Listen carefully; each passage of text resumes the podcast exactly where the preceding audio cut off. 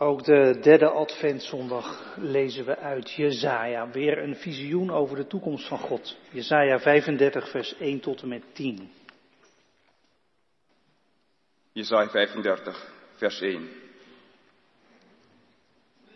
De woestijn zal zich verheugen, de dorpvlakte vrolijk zijn. De wildernis zal jubelen en bloeien, welig bloeien als een lelie, jubelen en juichen van vreugde. De woestijn tooit zich met de luister van de Libanon, met de schoonheid van de Karmel en de Saron. Allen aanschouwen de luister van de Heer, de schoonheid van onze God. Geef kracht aan de trillende handen, maak de knieën, knikkende knieën sterk.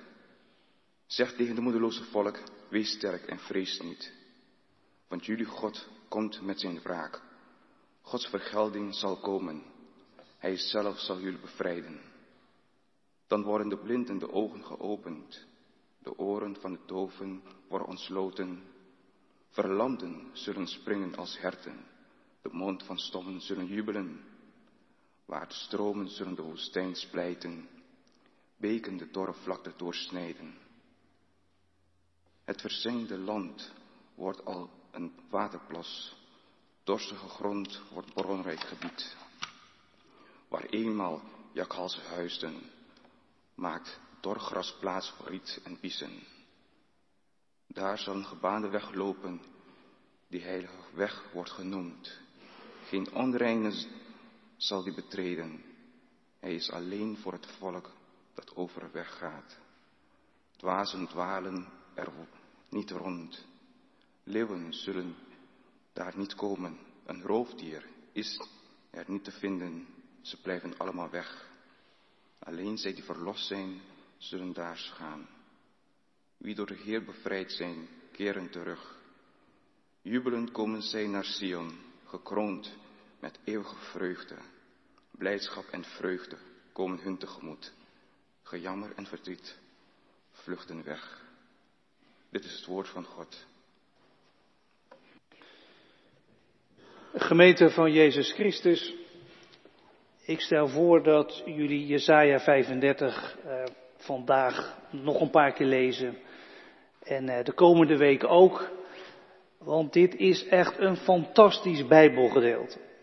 De woestijn zal zich verheugen, de dorrevlakte vrolijk zijn, de wildernis zal jubelen en bloeien. Het is een hele vrolijke tekst. De woestijn wordt een personage en gaat zich verheugen. Zo'n lege, desolate plek, s'nachts ijskoud en overdag bloedheet, een godverlaten plek van eenzaamheid en dorst, die begint vrolijk te worden. Die begint te jubelen en te bloeien, welig te bloeien als een lelie. Die woestijn begint te jubelen als een leeuwerik, begint te juichen Misschien zou je zeggen, in beelden van deze tijd, de woestijn begint rond te rijden in auto's om luid te toeteren om een overwinning te vieren, weet je zoiets? De woestijn die kleedt zich aan met de luister van de groene Libanon met zijn mooie bomen. En de woestijn kleedt zich aan met de schoonheid van Karmel en Saron met hun vruchtbare velden en bloemenzee en die luister en de schoonheid van die zingende schepping zijn een weerspiegeling van de luister en de schoonheid van God. Alles zullen Gods luister zien. Gods schoonheid, omdat God komt en aanwezig zal zijn. Ze zullen het zien. Wie? Wie zullen het zien? Ja, de moedeloze mensen van God. Die mensen met die trilhanden en die bibberbenen. Die mensen die het helemaal niet meer zien zitten, die gaan bevrijd worden. En je gelooft het niet, maar blinde ogen die gaan het zien. En dove oren die gaan het horen. En lamgeslagen mensen die gaan huppelen als herten. En mensen die sprakeloos zijn en stomgeslagen die gaan jubelen, juichen en jubelen over de woestijn. Ja, want die woestijn, die zal dus met rivieren doorregen worden en de droge grond een plek waar water welt.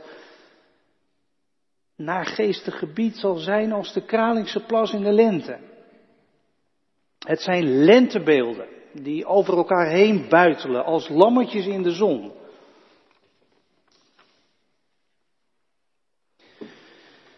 Maar het is geen lente. Het is winter. En het is koud en grijs en misschien ook wel door. In de wereld om ons heen.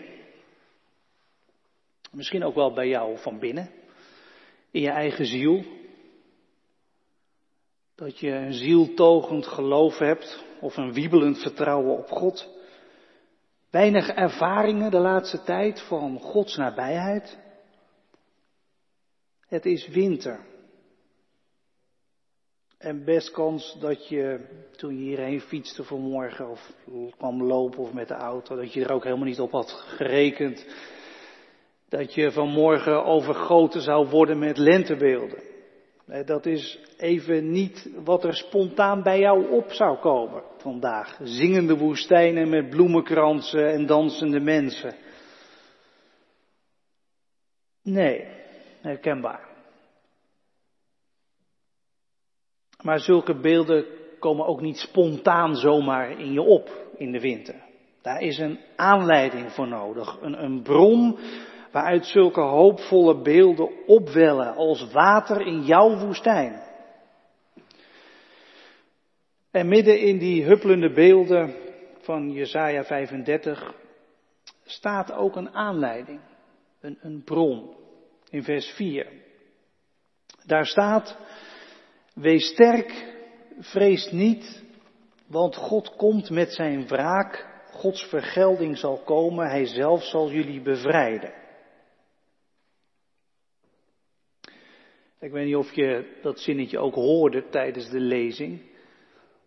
Midden in al die vrolijke beelden staat dus dat God komt met zijn wraak en zijn vergelding. Ik weet niet of je dat een, een reden vindt uh, voor huppelende beelden. Of dat je het woorden vindt die je vandaag liever niet zou horen. De wraak, de vergelding van God, ruige woorden, harde woorden. Hebben wij niet meer behoefte aan warme woorden vandaag? En troostende woorden? Geen wrekende God, maar een lieve God.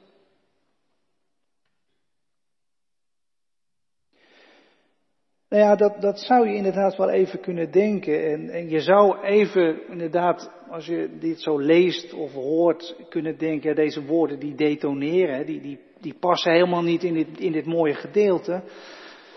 Maar als je er even wat langer over nadenkt, hè, eh, nadenkt over een lieve God. Eh, hoe hoopvol, hoe hoopvol is eigenlijk een lieve God? Een lieve God, eh, die gaat de wereld niet redden. Die wordt onder de voet gelopen door het kwaad en door de haat en door de machtswellust en door onze jaloezie en door ons egoïsme. Een lieve God, die, die gaat je niet helpen tegen dictators met bommen of tegen regimes met bloed aan hun handen, tegen beulen in martelkamers. Alleen een God met luister kan helpen. Een, een God met majesteit. Een God die laaiend is over het kwaad en die getergd is vanwege alle duister dat in deze wereld rondwaart. De God van het boek Jezaja. Ja, hij is een God die liefdevol is. En wiens liefde gekwetst is door het verraad van mensen. Die zijn goede schepping voor hun eigen gewin gebruiken. En God schepselen aan hun eigen zaakjes ondergeschikt maken. Maar een liefdevolle God, wiens liefde je ook kunt kwetsen, dat is wat anders dan een lieve God. Nee, deze God, de God van Israël, die in Jezus gekomen is en komen zal, Hij kan de wereld redden. Alleen Hij. En als Hij er niet is, dan is er ook geen perspectief geen uitzicht op redding. Hij kan de wereld redden. Hij kan jou uit de winter redden. Hij kan de woestijn laten bloeien. In je eigen leven. En hij komt met wraak en vergelding, zegt de profeet, waarmee hij het kwaad zal onttronen en recht zal zetten wat scheef is en recht doet aan wie onrecht leed, waarmee hij machtswellustelingen van hun tronen jaagt. En ja, dan kunnen jij en ik dus ook niet meer op onze troontjes blijven zitten. Dat is duidelijk. Maar dat zouden we toch al niet moeten willen, want die troontjes van ons, die bieden weinig houvast in het leven. Hij zal jullie bevrijden, zegt de profeet Jezaja. Hij zal je bevrijden van de machten die je laten dysfunctioneren, de verlammende machten van de chaos en de verblindende situaties van verdriet en de sprakeloosmakende gebeurtenissen waardoor je het zicht op God kwijtraakt. Hij zal je bevrijden van doofmakende stemmen van wantrouwen, die je alsmaar aanpraten dat je voor jezelf moet gaan en dat er geen God is. Al die machten die zullen gebroken worden en worden verjaagd door Gods wraak en Gods vergelding. Ja, en dat is bevrijdend, want, want God brengt Gods wereld thuis en zijn mensen thuis op deze manier. Hij brengt je thuis, want er zal een, een weg zijn, zegt Jezaja in vers 8, de heilige weg. En dat is de weg waar langs de mensen van God thuis gaan komen, om bij God te wonen in Zion. Er is een weg naar huis.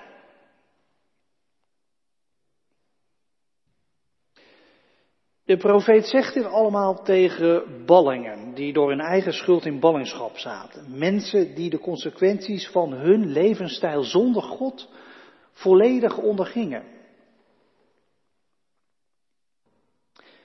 Gaat dat ook over ons? Het ballingschap?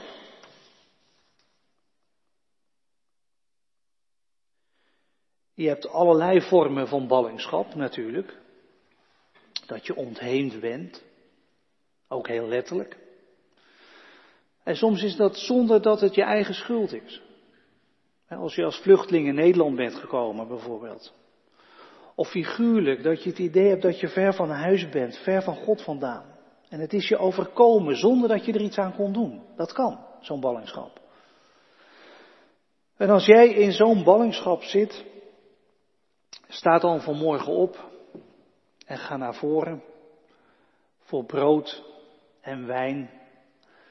Gods weg van bevrijding begint vandaag. Hij neemt je mee die weg op. Er is een weg naar huis. Waar je midden in je ontheemding toch thuis bent, omdat je thuis bent bij God.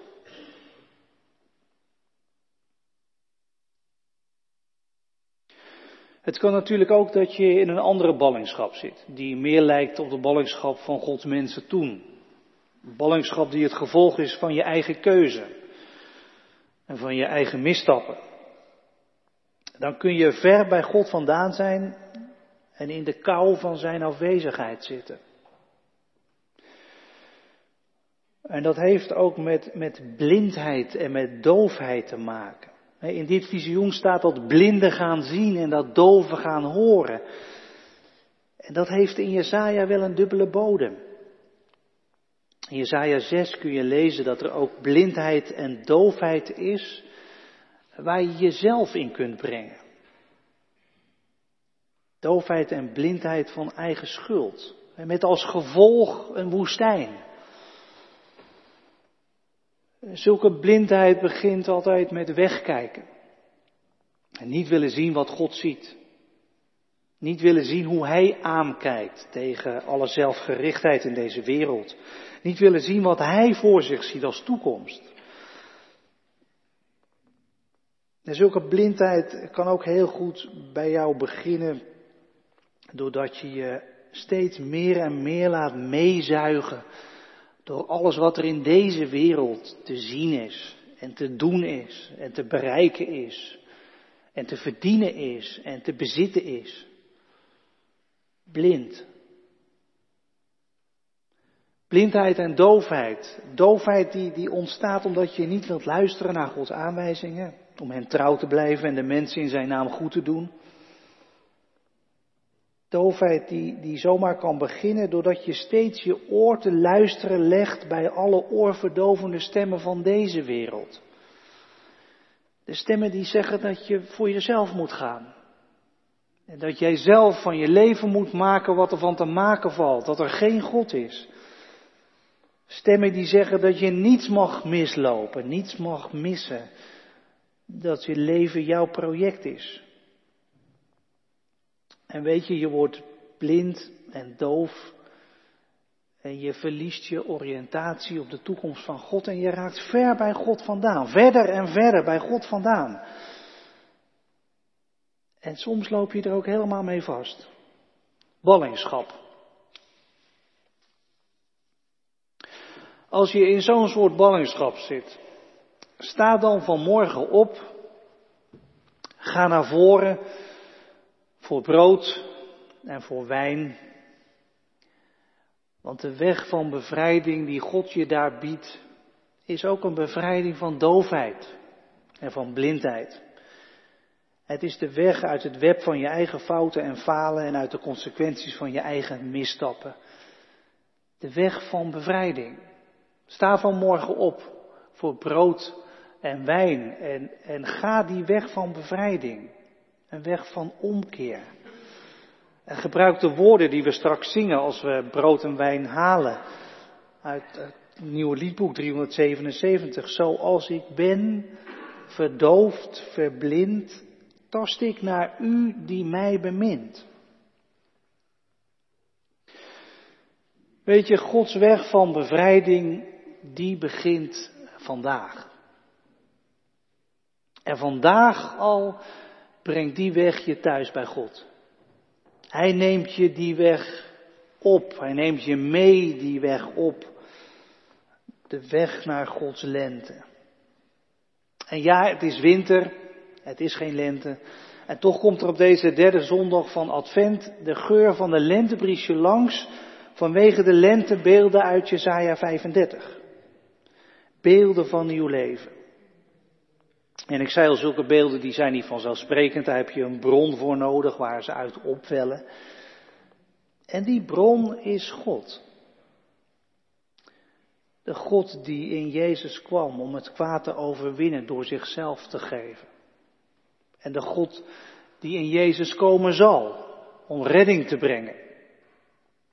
Dat is de bron. En vandaag kun je dus hoop putten uit die bron midden in de woestijn. De bron van hoop die hier te vinden is bij Jezus. En er is brood en wijn, een maaltijd midden in de woestijn, een opsteker midden in de winter op weg naar huis. Proef de zingende woestijn. En proef de vrolijkheid van Gods vergeving. En proef de lach van Gods liefde. En proef de lente van Gods toekomst de dans van Gods redding. Proef een toekomst vol van hoop. Amen.